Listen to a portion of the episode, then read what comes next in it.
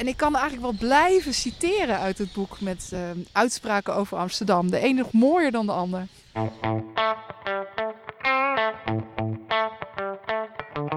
Ik ben Mechtelt Jansen en ik hou ontzettend van literatuur en van Amsterdam.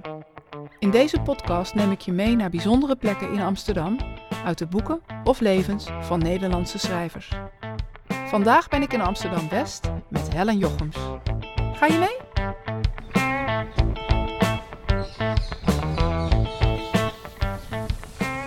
We zijn aangekomen in de Vondelstraat.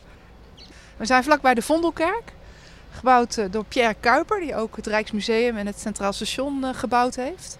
En wij lopen nu naar een uh, villa toe, die ook op zijn naam staat.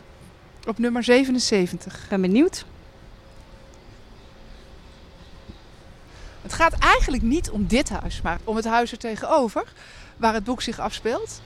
En er is ook een groen tegeltableau uh, hier met daarop een drietal mannen, waarvan er één aan het bouwen is en twee die staan daar een beetje naar te kijken. En er staat op anno 1882, het bouwjaar van het huis. En daaronder staat ook tekst. Jan bedenkt het, Piet volbrengt het, Klaasgen laakt het.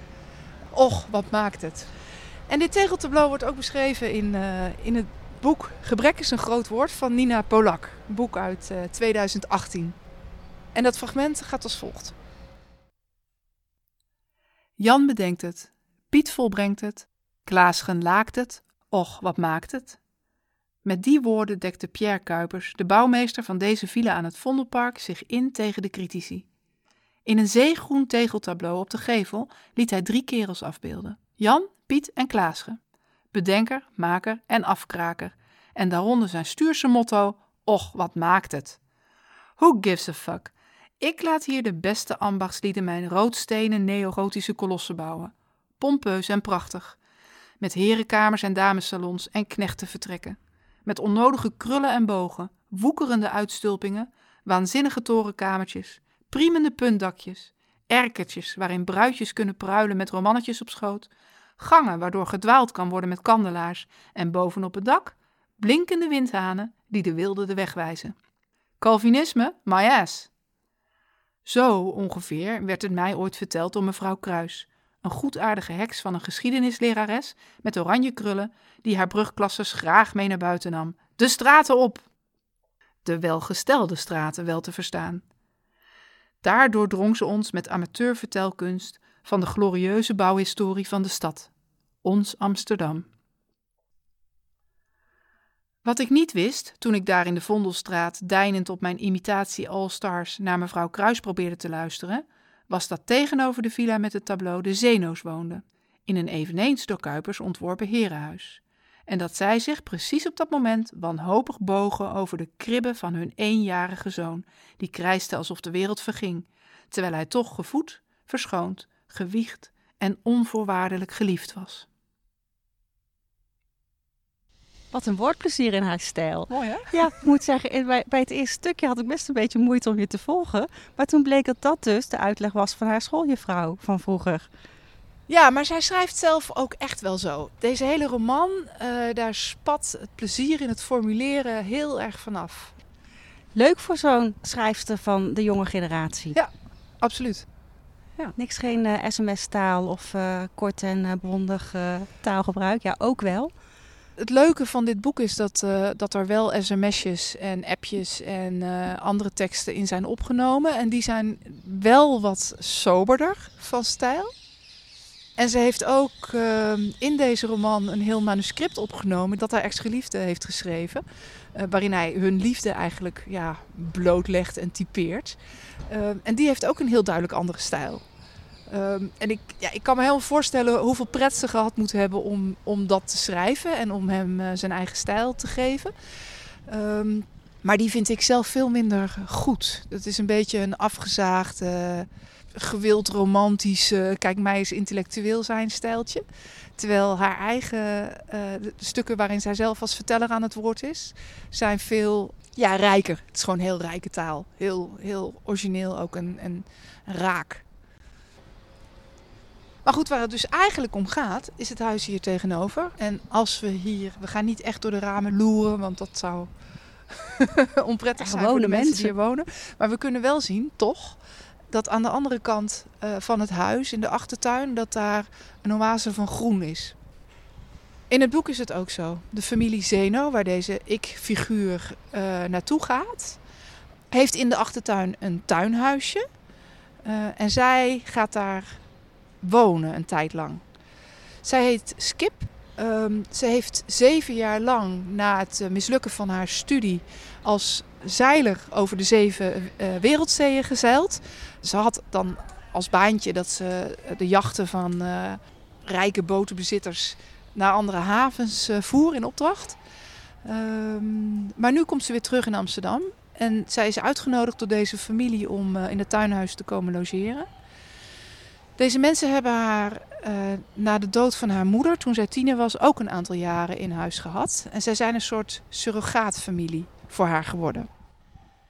En zij komt ze stom toevallig tegen, ergens in een haven, in Cannes geloof ik. En zij nodigen haar uit van, joh, als je in Amsterdam bent, je kunt zo in dat tuinhuis. En aanvankelijk wil ze niet. Ze zegt, in mijn kleine geschiedenis van slechte ideeën zou dit een eigen hoofdstuk krijgen: het tuinhuis, waarin Skip Nauta zich vrijwillig laat opsluiten om een achtergelaten leven de kans te geven zich weer eens lekker strak om haar keel te wikkelen.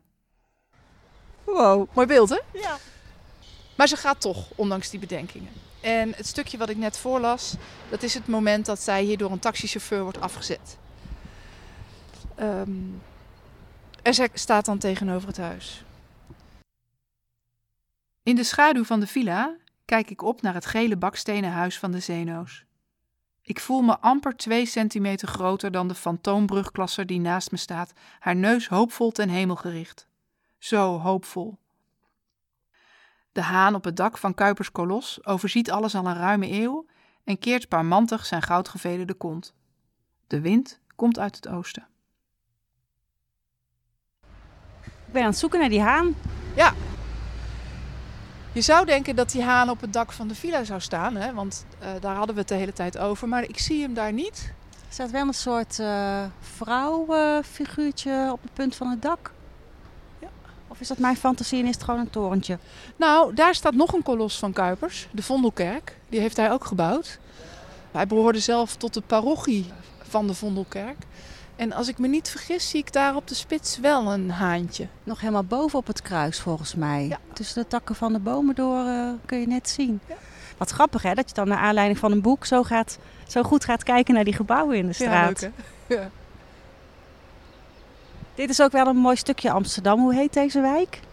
Dit is het eh, uiterste stukje, het randje van Amsterdam Oud-West, eh, grenzend aan Amsterdam Oud-Zuid. Ja, prachtige plek. Heel mooi, ja. En daarin ligt er ook weer een tegenstelling tussen dit Amsterdam, dit chique, mooie, kapitaalkrachtige Amsterdam, waar zij bij deze familie introk, en het Amsterdam waar zij geboren is. En dat is in Osdorp, helemaal in Nieuw-West. Oh, veel nieuwere wijk. Veel nieuwere wijk. Zij komt daar ook echt uit een heel ander milieu.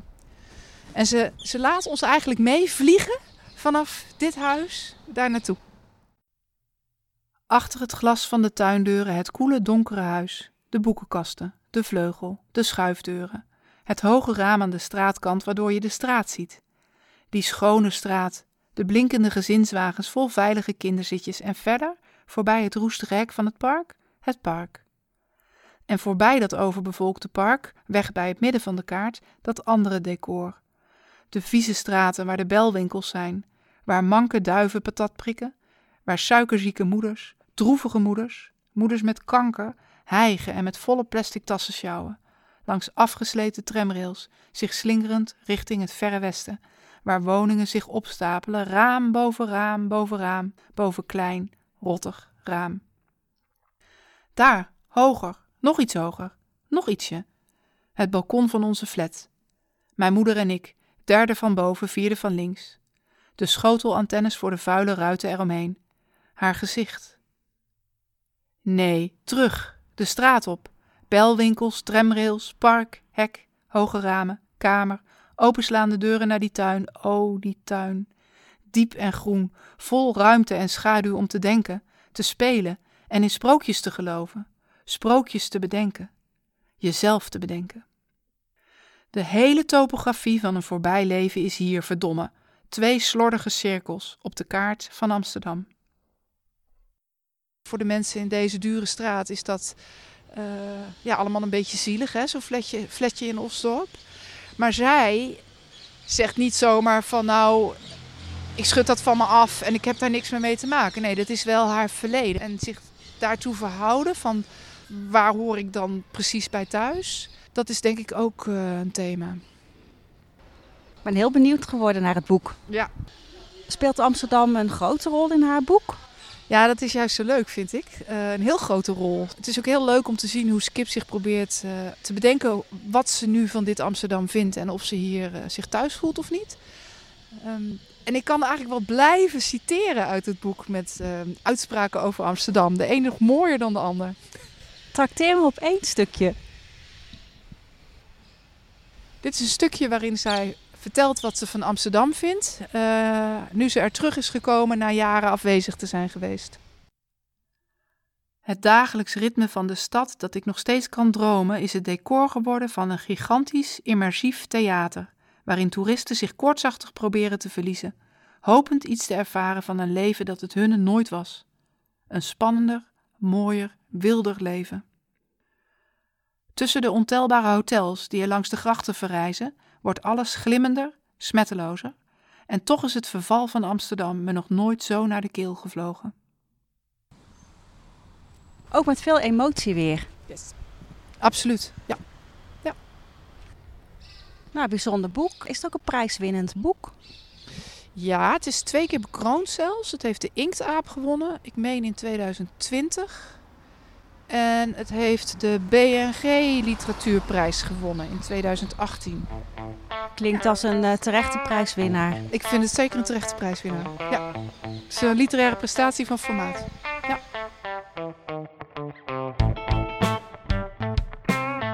Je luisterde naar Booklovers Podcast, een podcast over de stad, zijn schrijvers en hun boeken. De muziek was van Orbiters. Vind je deze podcast leuk en wil je meer horen? Abonneer je dan via je favoriete podcast-app en laat een review achter, zodat andere liefhebbers hem beter kunnen vinden.